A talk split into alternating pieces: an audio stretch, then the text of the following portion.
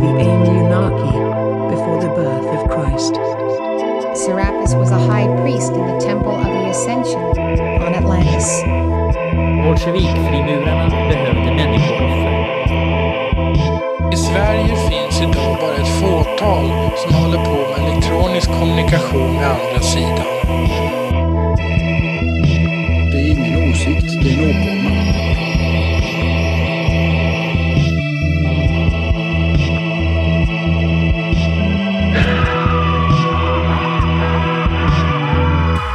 Välkomna till Dolda fakta, podden som etablissemanget inte vill att du ska höra, där vi djupdyker i dold och möjligtvis gömd kunskap.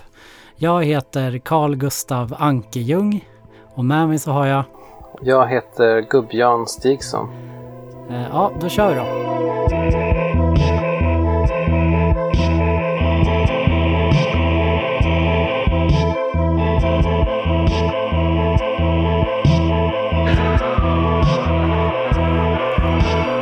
Ja, då är vi tillbaka igen. Äntligen med ett avsnitt av, vad var det du hette nu igen?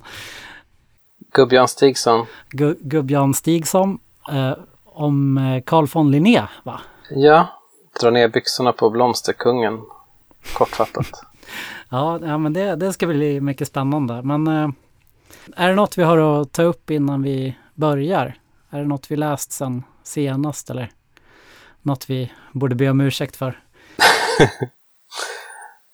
eh, ja, jag har ju fortsatt att läsa nästan bara romaner. Sen tröttnade jag på det. Så nu har jag inte läst så många romaner. Men jag läste den här Kent Werners nya bok som heter Allt är en konspiration. Okej, Konspirationsteorier och deras historia. Just det. Den, den som jag frågade om du hade läst men så avfärdade du den direkt som för mainstream. och sa att du aldrig skulle läsa den. Ja, jo, det är som det brukar vara. Ja.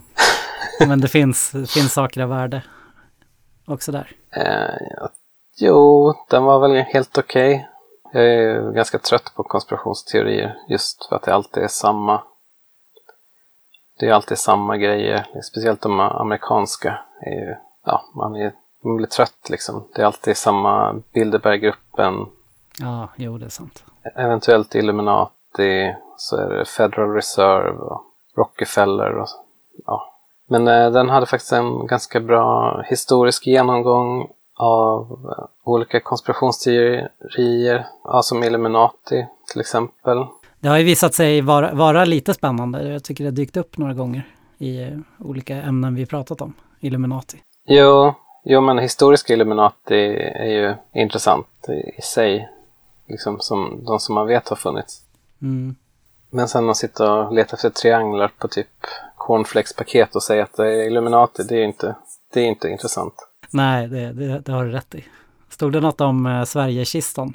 Nej, det var en istigande tystnad, öronbedövande tystnad om den faktiskt, Fy fan. tyvärr. Vad var det nu igen? Det var dokument. Ja, just det. Det var väl eh, Illuminatis eh, do, hemliga dokument som någon gång i historien gömdes i Sverige. Kanske av Gustav III, eller? Ja, det var något med Gustav III. Och sen vet man inte riktigt vad som hände med den efter, efter att den hamnade i Sverige. Nej, men eh, ja, nej men Kent Werners bok, den var, den var ändå ganska bra. Sen var det en del stycken var ganska tråkiga. Just för att det var samma som man alltid har läst om och om igen. Men det var också en lite intressant historisk grej om, eh, om det här med eh, mikro, mikrovågor som styr människor och lite om den historien. Nej, okej. Nej, men det var om den här som vi har pratat om. Vad hette han? James Tilly Matthews. Han som var förföljd på tidigt 1800-tal. Han var förföljd av en liga som hade en eh, magnetisk vävstol som styrde hans tankar. Eh, som anses vara det första, jag tror jag läste att det var det första dokumenterade fallet av paranoid schizofreni också.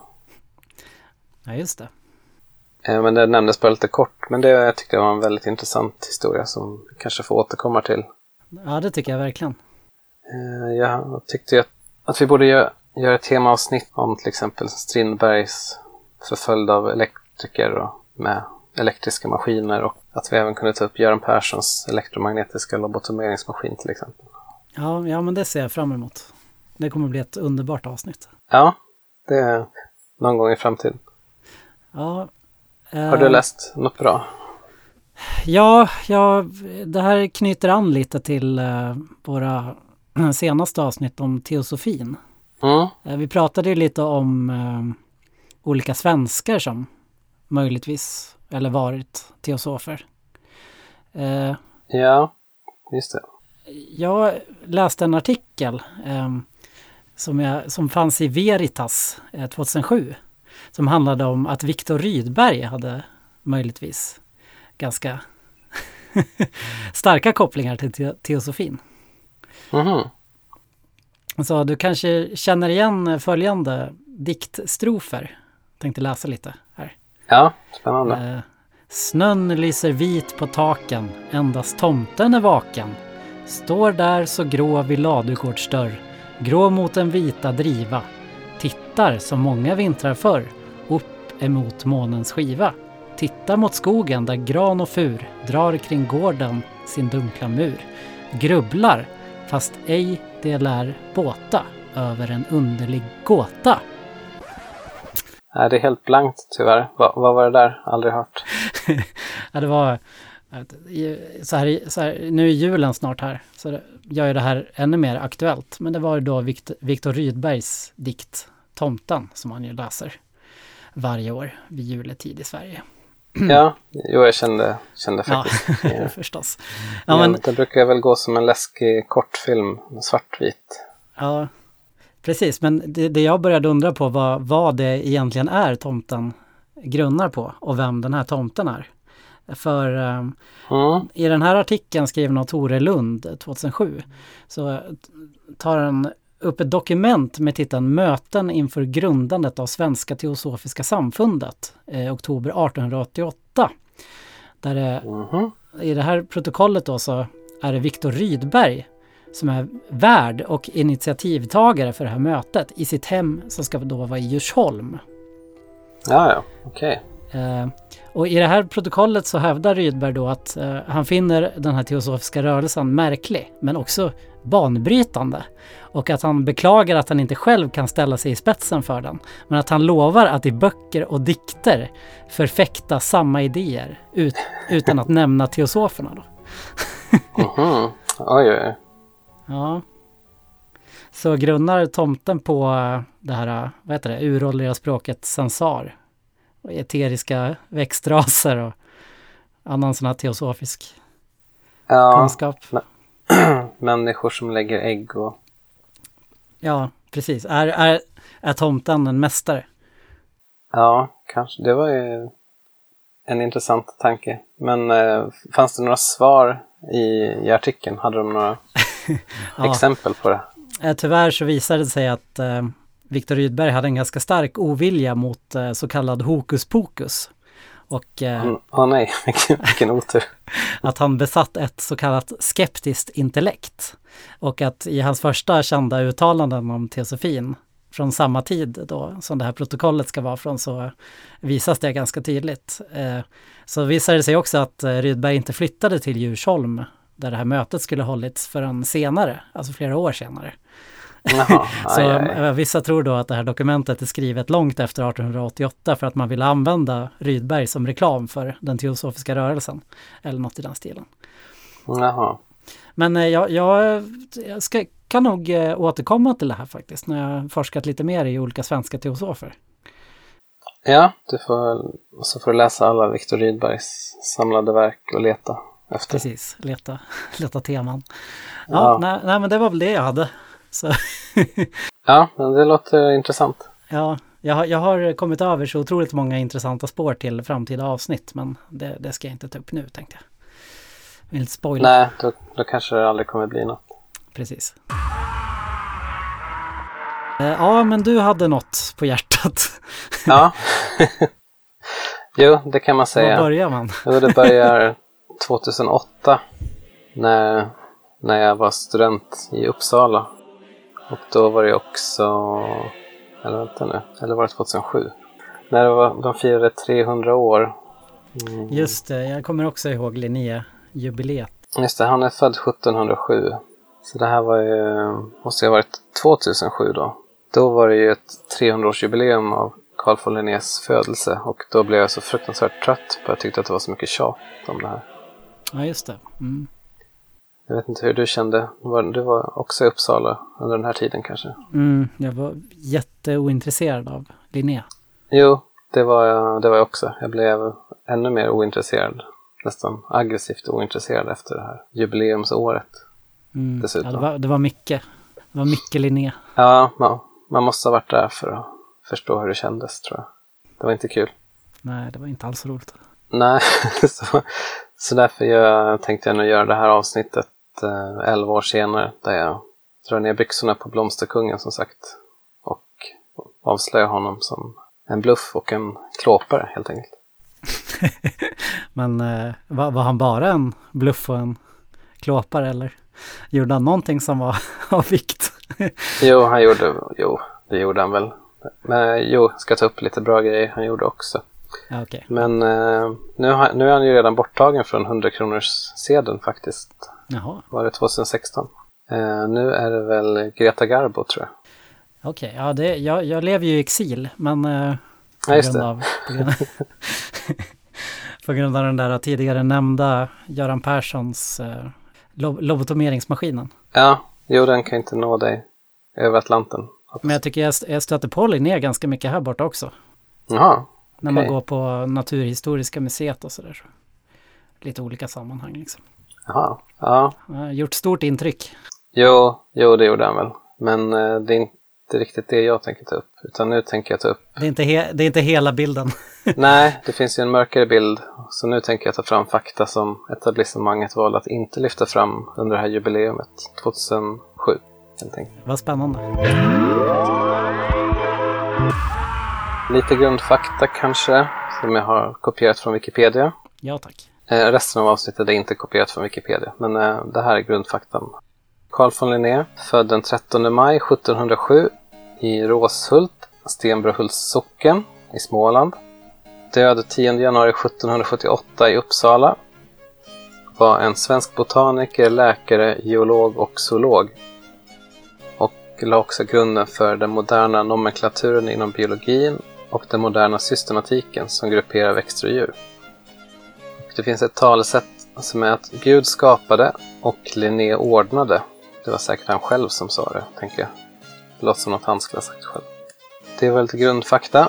Men sen som sagt har jag upptäckt en mörkare sida. Till exempel, visste du att Linné han ville köpa ett barn? Nej, varför vill han? Ah, det var för att han trodde att det var en eh, troglodyt, alltså någon sorts apmänniska. Jaha, var det... Det var, inte, det var utomlands? Ja, det var... Eh, barnet befann sig i London. Han försökte köpa det via ombud. Jaha. Han tänkte väl ha det, ha det i en bur eller något kanske, jag vet inte. Och visste du att han ville att skattepengar skulle användas för att köpa in en sjöjungfru också som hade fångats i Danmark? Det är förskräckligt hur, hur eh, skattepengar eh, Jo, jag tänker på den, här, på. på den här hashtaggen Vad fan får jag? Vad får man för skattepengarna? Ja, synd att de inte hade Twitter på 1700-talet. Jo, fanns ingen slöseriombudsman då heller. Har du, har du gått till eh, Killingtrycken och kollat om något liknande? Vad vadå menar du? Ja, men om de har någon motsvarighet till en hashtag i, ki- i Killingtrycken från 1700-talet. Nej, Vad fan så får djupt har jag så, så djupt.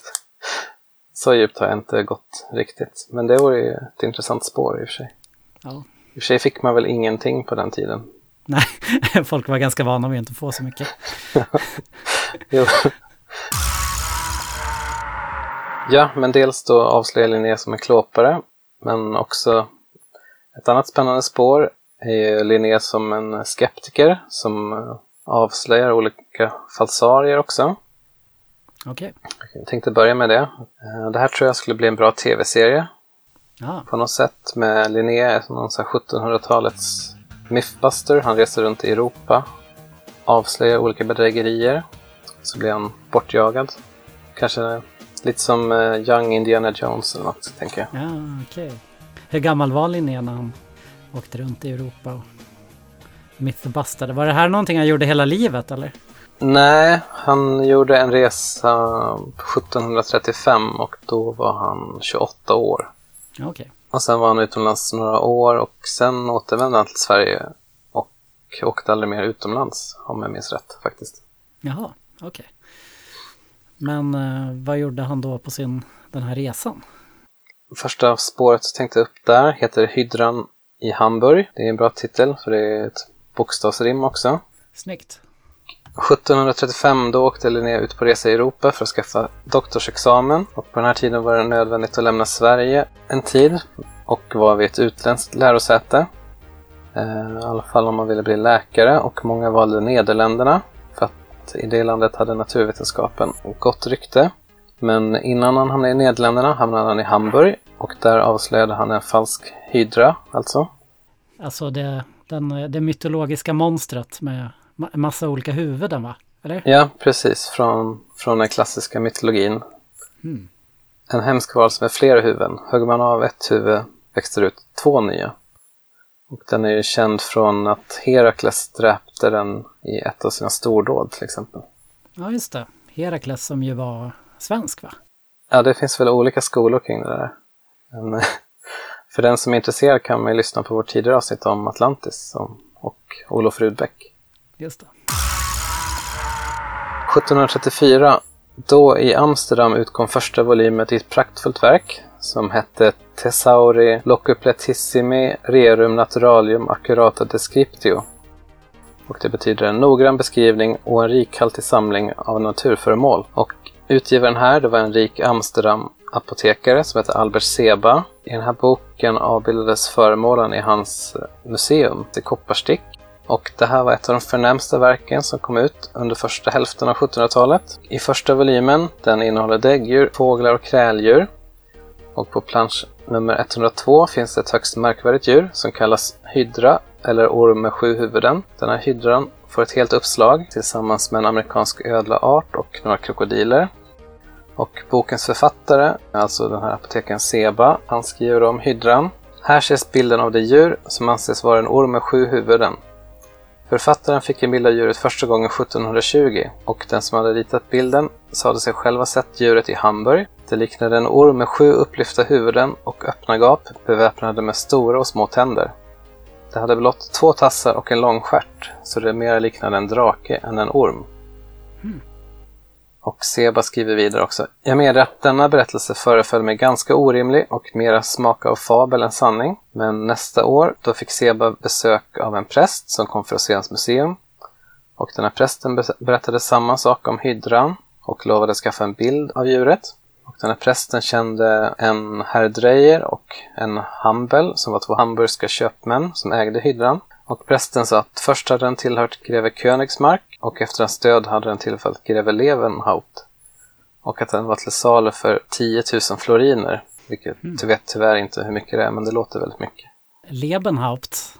Eh, tänker på kungens vän, Noppe. Jo, men jag tror det är väl båda, inte båda svenska, svenska namn. Eller svenska adelssläkter, tror jag faktiskt. Men den här prästen skaffade i alla fall sen en, en avbildning av hydran till Zebra.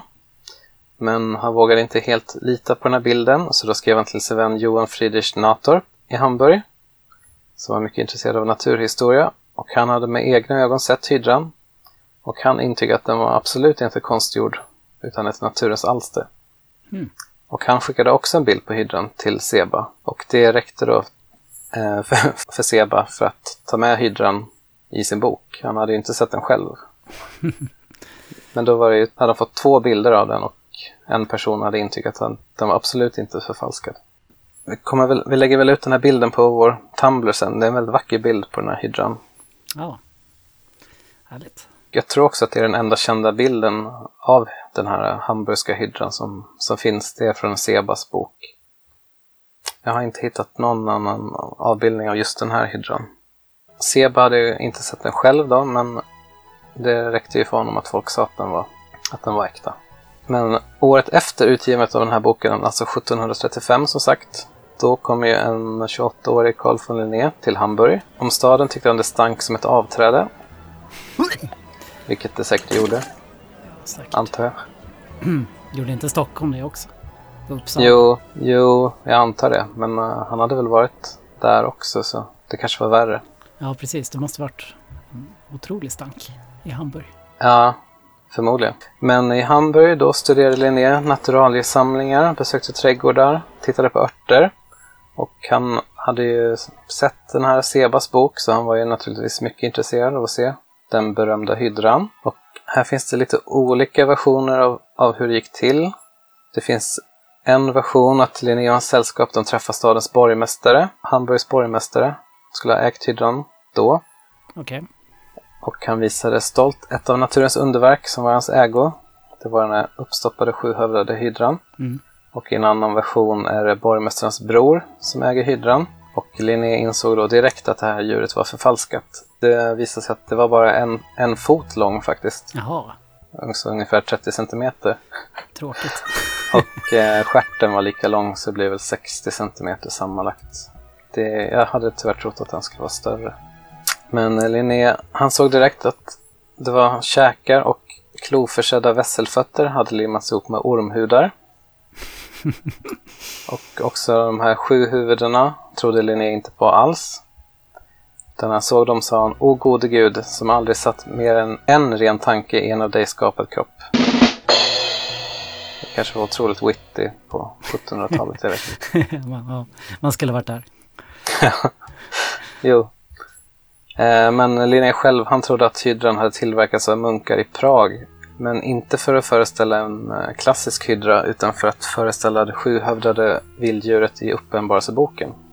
Ja, just det. För där förekommer det också en, är det en sjuhövdad drake, eller? Ja, just det. Men eh, där talade han om för borgmästaren, men borgmästaren trodde inte på det, för han hade tänkt sälja den här hydran för en stor summa pengar.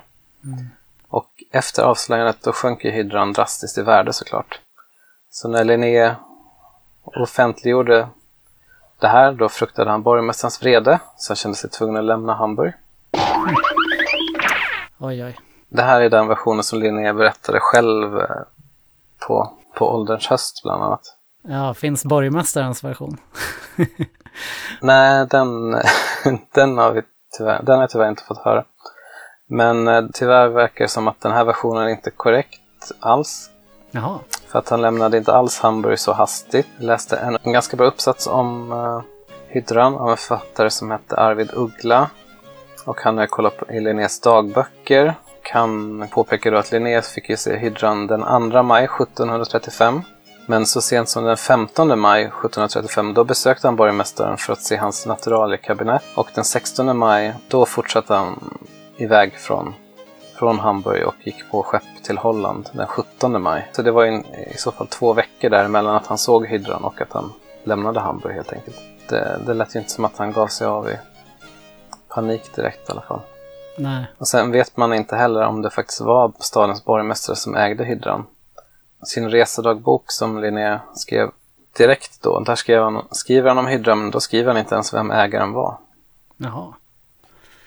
Utan han skriver bara att han fick, eh, genom en vän lyckades han via många mellanhänder få se, få se hydran, men inte ett ord om vem som ägde den. Okej. Kanske inte ens var rätt hydra. Eh, jo, det, tro- det tror jag. Det fanns nog bara en berömd hydra i Hamburg. Eller jag, jag, har inte, jag har inte sett någon som har varit inne på att det skulle finnas fler hydror i alla fall. Nej, okej. Nej, det... Jag tänker att det är som en relik där alla börjar göra jättemånga kopior typ. Ja, jo, i och för sig. Han skrev ett stort verk som heter Systema Naturae. Ja, Där han samlar djur och växter i sitt stora system. Jag tror det kom ut i tio upplagor under hans livstid. Eh, Det blev bara större och större. Hmm. Men den första utgåvan har jag för mig kom 1735 och där finns hydran med under gruppen Paradoxa. Och det här är alltså djur som inte hör hemma någonstans eller är problematiska. Eh, Och där skriver han om hydran att han insåg att den var förfalskad då Herren aldrig tillåter djur med fler än ett huvud. Och han skriver också just att det var bedrägeri och konstgjort såg man genom rovdjurständerna från vesslor. De här tänderna ser helt annorlunda ut än kräldjurens tänder. Så han tyckte inte att tänderna passade ihop med ormkroppen. Nej. Vad tror du? Tror du att det fanns en hydra? Ja, Jag vet att du vill tro. Jag tror att det var en sån här bebishydra. Att de var ett litet barn bara. Som Jo. var på väg och skulle bli flera, flera meter. Sen som vuxen. Ja, men sen blev den ihjälslagen och uppstoppad kanske. Ja, Men eh, Linné verkade mer inne på att det var munkar som hade tillverkat den efter Uppenbarelseboken, inte att det skulle varit en klassisk hydra. Men han kallade den själv för hydra. Men eh, det var väl för att alla andra redan gjorde det. antar jag. Ja, det här kommer väl aldrig vi få reda på. Hur det ligger till. Det, det tror jag tyvärr. Det kommer vi nog inte, tyvärr. Sen i alla fall, Linné kom fram till Nederländerna för att han ville klara av sina medicinstudier. Ja, Och då skrev han in sig på lärosätet i den lilla staden Hardervik. Den var känd för en sak, det var att man kunde få ut en examen jättesnabbt. okej. Och Jag läste en biografi, en biografi om Linné, där jämförde de den här stan ungefär med hur man kan köpa en doktorsexamen på internet i våra dagar. Ah, så det är som, vad heter han, Sven-Otto Littorin och hans, eh, eh, vad det nu var. Jaha, vad hade han? Hade han, hade han en internetdoktorexamen? Ja, han hade, precis, han, eh, han hade, det var så här Fairfax University. Eh, Mhm. Ja, men här står det att 2007 så eh, avslöjades det att Sven-Otto Littorin köpte en falsk magis- magisterexamen från ett bluffuniversitet på internet. Ja, okej. Ja, det får bli ett eh, kommande avsnitt. Ja, Sven-Otto Littorin, Littorins falska doktorshatt. Eh, men Linné, han tyckte det här lät jättebra. Han hade, skrivit, han hade faktiskt skrivit en doktorsavhandling redan hemma i Sverige som han lämnade in för bedömning. Och den handlar om malaria. Och där slog han fast att malaria orsakas av lerpartiklar som täcker till kroppens porer och gör att man får feber och blir sjuk. Men det är ju... Ja, det stämmer ju inte. Nej, okej. Ja, Det är malariamyggan som ger malaria. Ja, just det. Det, det är sant. Eh, så, men den här lämnade han in och eh, sen fick han en, sin doktorsexamen. Jag tror det tog några dagar. Från att han kom till staden och att han blev doktor helt enkelt. Ja, just det. Så det, ja, det, så man kan ju fundera på hur seriös han var egentligen. Ja, just det. Det påminner om de här spiritistiska postorderkurserna man kunde ta på 1800-talet också. Mhm. Hur, eh, Brotherhood of Luxor. det har jag helt missat. Har du pratat om? Ja, jag pratade om det förra, förra gången. Jaha. ja, jag stängde väl av öronen. Ja, men det är, det är skönt att man i alla tider, eh, att det finns genvägar till, till olika medlemskap och examens. Jo, jo, det tror jag säkert är lika gammalt som mänskligheten själv. Det var säkert likadant under antiken. Man kunde gå på pseudo, pseudoplatons akademi istället för Platons akademi.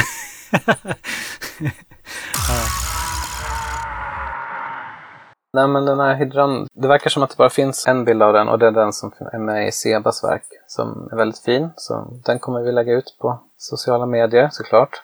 I den här uppsatsen av Arvid, Arvid Uggla om hydran han hade också hittat ett intressant dokument på British Museum om den här hydran. Och där, I det här dokumentet så stod det i alla fall att hydran stals från den kejserliga konstkammaren i Prag av en svensk general, Königsmark. Mhm. Och det här var under 30-åriga kriget. Men den stals ur samma konstkammare som svenskarna stal silverbibeln. Ja, spännande. Och det är en favoritbok som vi har nämnt tidigare i podden när Olof Rudbeck misstänktes för att ha vandaliserat den. Jag kommer också ihåg att Rudbeck hade ett kuriosa-kabinett som brann upp. Mm, just det. Man kan ju bana vad som gick förlorat där.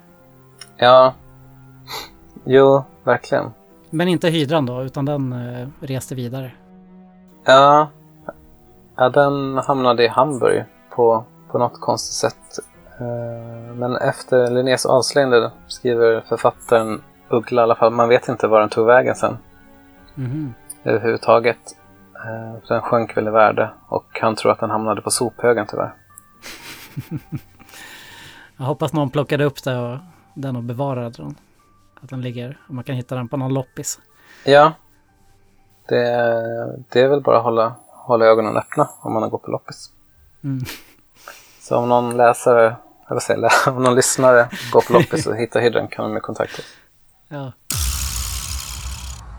En till episod här och Linné som skeptiker. Han reser vidare. Lämnar förödelse efter sig. Och det här handlar om jättar faktiskt. Det har vi också varit inne tidigare på i podden. Också i samband med Olof Rudbeck. ja, just det. Jättarna. Jag kommer inte ihåg vad han... Han trodde väl på jättar, eller hur var det? Han trodde att... Ja, han eh, hade ju hittat skelett sa han som var typ så fyra meter långa. Eller i alla fall över två meter långa. Kanske tre meter långa. Eh, Mm, Och han sa ju att eh, ju längre bakåt man gick i generationerna i Sverige desto längre var människorna. Och de levde också längre tror jag. Att det var lite så här bibliskt. ja, det, låter ju, det låter ju väldigt bibliskt Mm, faktiskt. precis, högresta norrlänningar och sånt där. Ja, jo, det passar väl in, passar väl in jättebra i det också. Men det här handlar om Linnés kända Gotlandsresa. Han gjorde en resa på Gotland eh, och Öland Okej, som också publiceras i bokform. Kul. Eh, de flesta av hans eh, resor, då kom det en bok efter, en reseskildring. Som, fem, de blev typ bestsellers har jag för mig. Linné besökte Visby en midsommarafton och då gick han till Vårfrukyrkan. Dit gick han för att titta på några märkliga benlämningar som sades ha tillhört en jättekvinna. Mm. Återigen, Linné skeptikern var framme. Efter en hastig undersökning avfärdade han dem och skrev i sin reseskildring Jättebenen som bevarades i Stora kyrkan såsom underverk vore verkligen valfiskben, skrev han lite raljerande. Ja, Okej. Ja, så det var bara valben. Ja, det, det är väl alltid valben. Tyvärr. Men eh, de här benen har jag läst en väldigt intressant uppsats av Ingvar Svanberg som heter Jungfru Visnas ben, en val i Visby. Okej. Och han skriver om de här benen att här finns såväl äldre teologiska föreställningar som gammal folktro och de ger dessutom spännande inblickar i folkreligiösa sedvänjor. Och de här benen då som förvarades i Vår Frukyrkan, jag vet, jag vet faktiskt inte vilken kyrka det är. Sankt Maria eller Vårfrukyrkan, nu domkyrkan. Hittar du det? där? Ja, okej. Ja, Så det är domkyrkan. eh, i alla fall var det det 1880. Ja, men de här äh, jättebenen då.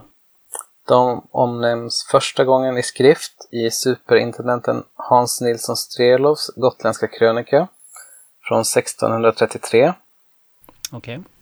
Och Strelov han förknippar benen med en jättekvinna som heter Visna. Och enligt krönikan skulle hon ha deltagit som befäl i Harald Hildetands armé. Och Harald var tydligen en mytisk kungagestalt hos Saxo Grammaticus och i vissa fornsagor. Åh, Saxo. Ja, det är någon du gillar va?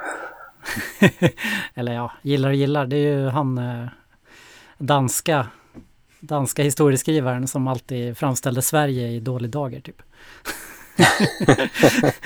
Men det är mycket kul att hitta i hans, hans eh, historier.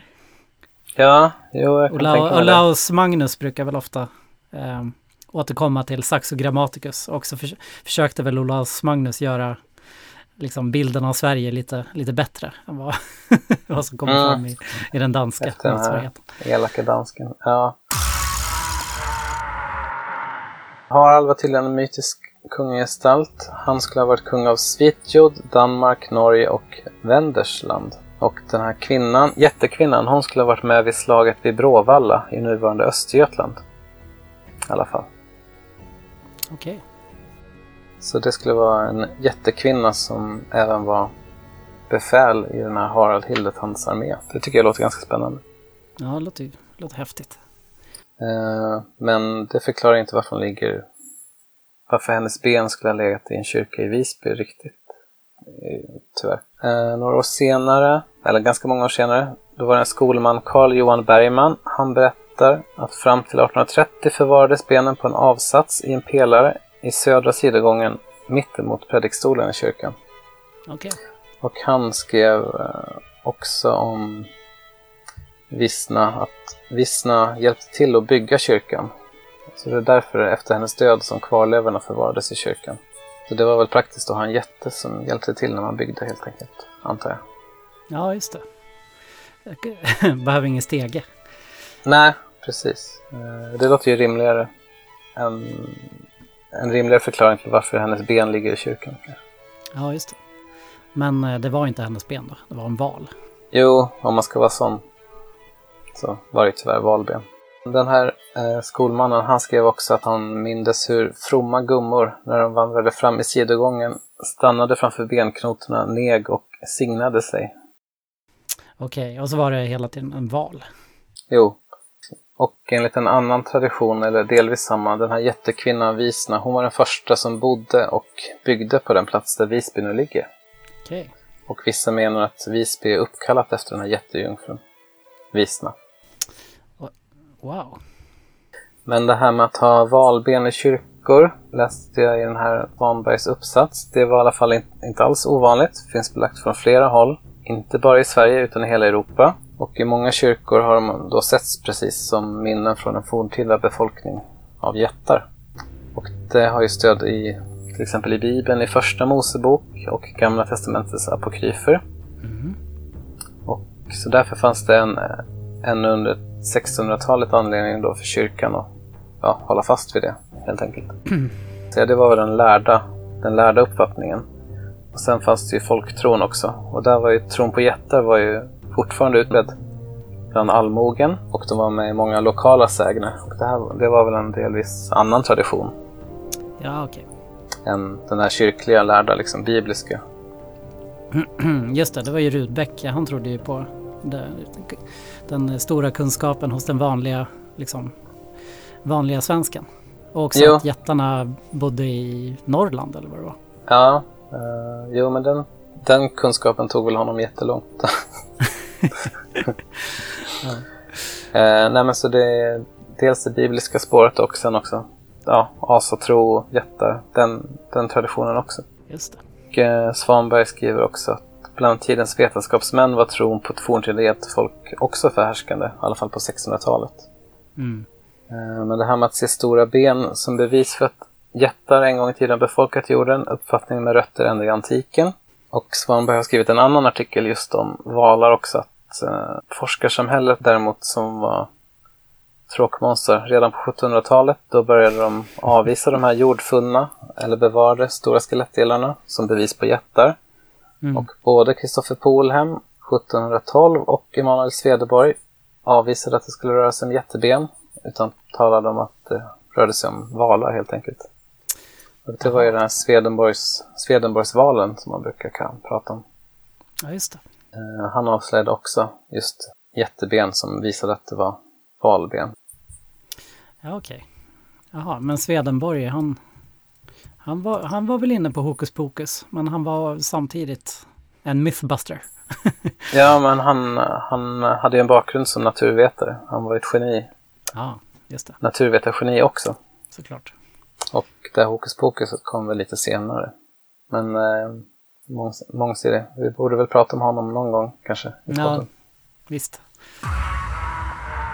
Men eh, så sent som 1765 i alla fall, skriver Svanberg, då var det en vetenskaplig debatt i Vetenskapsakademins handlingar. Där var det en prästman, Tiburts Tibertius, bra namn. Mm. Han hävdade att det fanns ben som bevisade en forntida jättebefolkning. Men eh, då var det faktiskt en Linnélärjunge, eh, Roland Martin, som själv hade deltagit i valfångst i Spetsbergen 1758. Han avvisade bestämt att det skulle röra sig om något annat än djurben. Okej. Så kunde det låta i Vetenskapsakademin ända till 1765 i alla fall. Jaha. Men de här Vissnas ben i Visby, de togs i alla fall bort ur kyrkan i anslutning till en restaurering. De kan ha tagits bort redan 1874 och sen förvarades de i Högre Allmänna Läroverkets zoologiska samlingar. Jaha, så de finns kvar?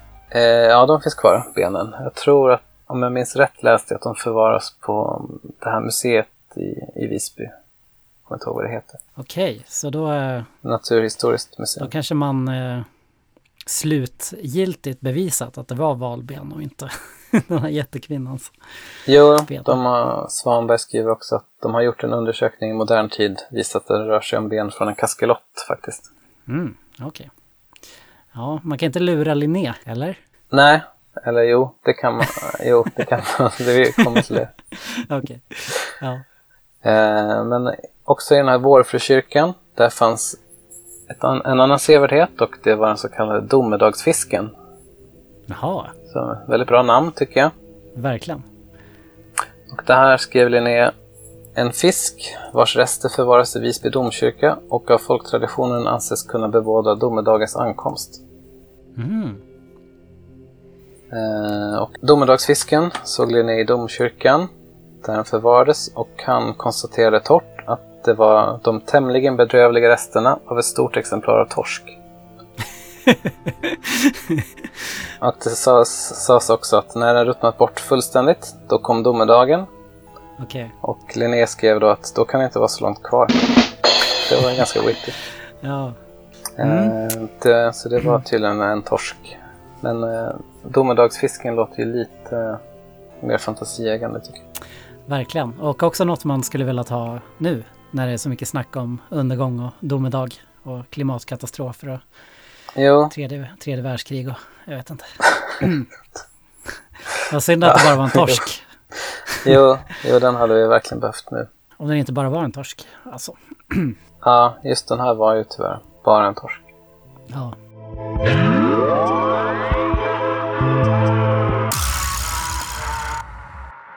Swedenborg, han avslöjade också jätteben. Emanuel Swedenborg, det var ju ja, svensk mystiker. Först naturvetenskapsman som sen blev mystiker och började skriva om det istället. Eh, som, ja, vi borde väl prata om honom någon gång, men det är så svårt att sätta sig in i hans eh, verk, för det verkar, så, verkar skriva så otroligt mycket, verkar så otroligt Ja. komplicerat. Jag vet inte var man ska börja riktigt. Nej, det verkar helt omöjligt. Eh, Men han har ju varit otroligt inflytelserik. Inte bara i Sverige, utan ut, han var jättestor utomlands också. Mm. De, de hittade stora ben i Bohuslän på 1700-talet i alla fall. Som man trodde kom från jättar som levt här. Och de ställdes ut i Skara domkyrka. Och sades ha tillhört jätten från Vånga. Men då kom eh, Emanuel Swedenborg och undersökte dem och sa att det bara var en val. Okej. Eh, vad, vad tråkigt, annars hade de ju kunnat hänga ihop med hällristningarna i Bohuslän som vi pratade om i Atlantis-avsnitten. Ja, bland annat. Men då var det inte så. Nej, inte den här gången heller. Nej. Det jag, det jag läst om Linné är att han var väldigt skeptisk till... Han trodde inte på jättar själv i alla fall. Den, den, där var han en skeptiker faktiskt. Men eh, det finns också en annan episod som jag hittade av en slump från när han besökte Öland. Okej. Och då var han vid Möckleby, som jag antar är någon liten ort. Och där krossade han sin fot, fick en sten på foten. Jaha. Han ägnade sig också åt att gräva ut en ättehög, alltså en forngrav. Och där hittade man en stor hop ben. Jag vet inte vem som gav tillstånd till det här, om de bara började gräva eller liksom. Ja, det fanns kanske inte inga myndigheter som kontrollerade utgrävningar på samma vis. På den tiden. Nej, det kan det inte ha gjort. Jag tänker att han tänkte att han, det var bara att börja gräva för att han var vetenskapsman. Eh, Men eh, i alla fall där hittade de en stor hop ben och Linné har skrivit eh, han var hågad att utforska om folket i forna tider varit längre än, än de nu äro. Och han gjorde flera mätningar och ansåg sig till slut kunna påstå människan av vilka dessa ben voro oföljbart varit inemot fyra alnar lång. Och jag kollade upp en aln, en aln är alltså 60 centimeter så det innebär att människan var 2,40 lång. Okej. Det, är- det är ganska långt. Mm, visst. Det här låter ju precis som det som Olof Rudbeck höll på med. Ja.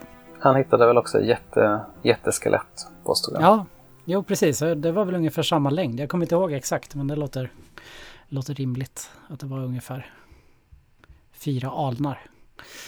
Precis, eh, det, det låter ju jättelångt. Och jag har tyvärr inte hittat någon förklaring någonstans vad, vad det här kan ha handlat om. Egentligen vad, vad benen tog vägen, vad det var för ben, vad hände med dem, vad, vad var det han hittade liksom. Ja, Räk- Räknade han fel?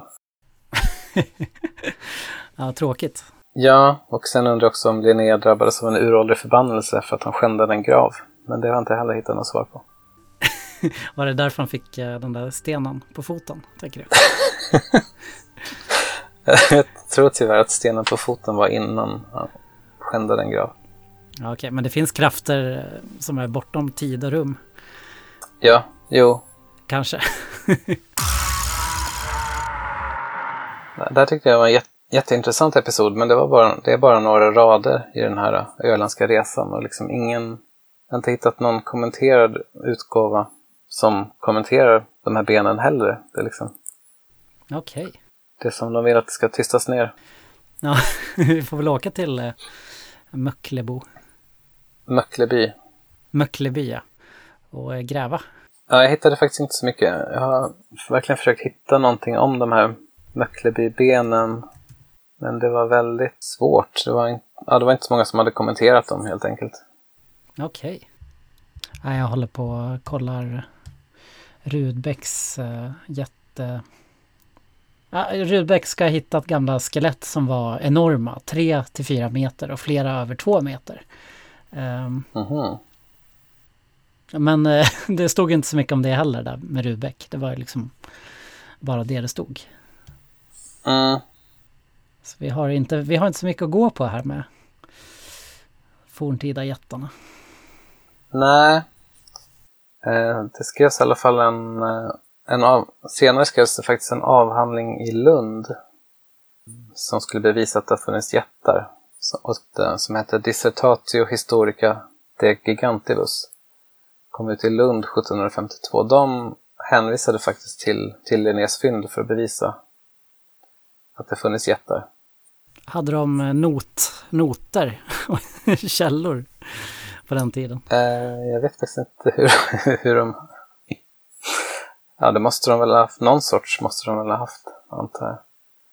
Eh, men den här, den här avhandlingen har jag försökt hitta, men den finns tyvärr bara på latin. Den finns att läsa på ja, Kungliga biblioteket. Men den finns bara på latin eftersom alla avhandlingar var skrivna på latin på den här tiden. Okej, ja men eh, det finns ju ett gäng i Uppsala som översätter gamla, gamla uppsatser från latin till svenska. Så då Ja, kan, går nog att lösa. Så om, om ni lyssnar på, på det här avsnittet kan ni översätta den. Nej, den, skulle man, den skulle man verkligen vilja läsa. Men jag, jag antar att den tar säkert upp Olof Rudbeck också. Mm. Ja, det var, det var det jag hade om Linné som skeptiker. Som, som sagt, jag tror det här ska bli en jättebra tv-serie. Vet inte vem som skulle göra den. Kanske Netflix Original Production. Skulle bli jätte-B. Skulle det vara en svensk produktion? Eh, ja, någon svensk fast inte SVT. Så det blir någon sån här konstig lågbudget-variant, tänker jag. Ja, Okej. Vem skulle du vilja spela en ung Carl von Linné? I så fall. Ehm, ja, hur såg Carl von Linné ut ens? Ehm, Han såg väl ut som alla andra på den tiden. Stor peruk. ehm, ja, vilka har vi? Kanske någon i vår tid nu? Sen tycker jag att... Ja. eh, Den har jag tyvärr Kan- inte sett. Så. nej. ehm, Lennart Jäkel, skulle han kunna spela en äldre Linné? Ja, det, det tror jag han skulle klara. det, det tror jag skulle passa bra. Kanske någon Skarsgård. Annars han i bonus, bonusfamiljen, vad heter han? Han eh, ena pappan där kanske kunde vara. Linné. Oh, vem är det? Är, det? är det han som ser så störig ut? Ja, jättestörig. Han spelade också storebror i Eva och Adam. Mm, han ser ut som han är, att han tillhör familjen Wahlgren, fast han är inte det. Ja, nej, men det är sant. Ja, men så han då som en ung Linné och sen Ja. Lennart Jäkel som en, som en äldre. Det, det är min... En äldre, bitter Carl von Linné som berättar på ålderns höst kanske. Som Ja, just det. Och drar rövarhistorier. Ja, det låter jättebra. Men det var det vi hade om, jag hade om Linné som skeptiker. Så tänkte i nästa avsnitt, då blir det lite mer otäckt. För då blir det olika Linnés olika misstag. Som jag kommer gå igenom väldigt grundligt. Ja, det är bra att du varnar så att alla Linnea-fans Ja, är förberedda. och nu, som sagt, nu är han ju redan bortplockad från hundralappen. Men om, om han inte hade varit det tror jag att han hade blivit det efter nästa avsnitt hade kommit ut. Oj, För det här är ja. sprängstoff. ja. Wow. Mm. Ja, men det ser vi fram emot. Ja, absolut. Det håller i hatten. Jag kom på en annan sak eh, jag ville säga. Eh, Ja. Fick ju precis höra att eh, SpongeBob SquarePants skapare gick bort i, eh, idag, tror jag. Steven Hillenberg. Ja, ja, jag läst, ja, det läste jag också. Det var jättesorgligt att höra. Mm. Ganska sorgligt också om man tänker på det så kanske inte ens vi hade varit kompisar om det inte var för Svampbob Fyrkant. Nej, nej det är sant. Det, Var det inte, jag har för mig att det var lite så vi lärde känna varandra genom gemensam kärlek till Svampbob. Så eh, jo, det, absolut. det är också, då är det ju också så att den här podden aldrig hade, hade kommit till. Om det inte var för Ja. Steven Hillenberg. Så eh, vila i frid. Det, ja, verkligen. Nej, det var en sorglig historia. Ja, Verkligen hemskt att höra. Och också, man undrar vad, hur Carl von Linné skulle ha klassificerat Svampbob. ja, just det. Ja, det var bara det. Ja. ja, just det. Det hade ju varit roligt om... Eh, eller Lans von Liebenfels hade väl i alla fall eh, klassificerat SpongeBob som en otäck hybridvarelse, va? Fruktansvärd hybridvarelse. Fruktansvärd hybrid. Resultat av perversa ja, sexuella praktiker helt enkelt. ja, jag kan tänka mig att eh, Svampbob, att någon, någon av alla de här teosofi- teosofernas rotraser, det finns säkert någon som var som Svampbob, som var en tvättsvamp som... Ja, det, jag hoppas det. det, det får vi veta om vi läser den, eh, vad heter den? Gudomliga lä... Nej, vad heter den? Eh, Den hemliga doktrinen. Just det. Den hemliga doktrinen som eh, möjligtvis också Viktor Rydberg läste. Mm. Ett ganska stort möjligtvis där. Ja, och med de orden så är vi klara för den här gången. Och för den som är sugen på mer dolda fakta om Carl von Linné så kommer det alltså minst två avsnitt till om det här. Eh, följ oss på Instagram, Facebook eller mejla oss på doldafakta.gmail.com. Och kolla också in vår vackra Tumblr. Och ha det fint!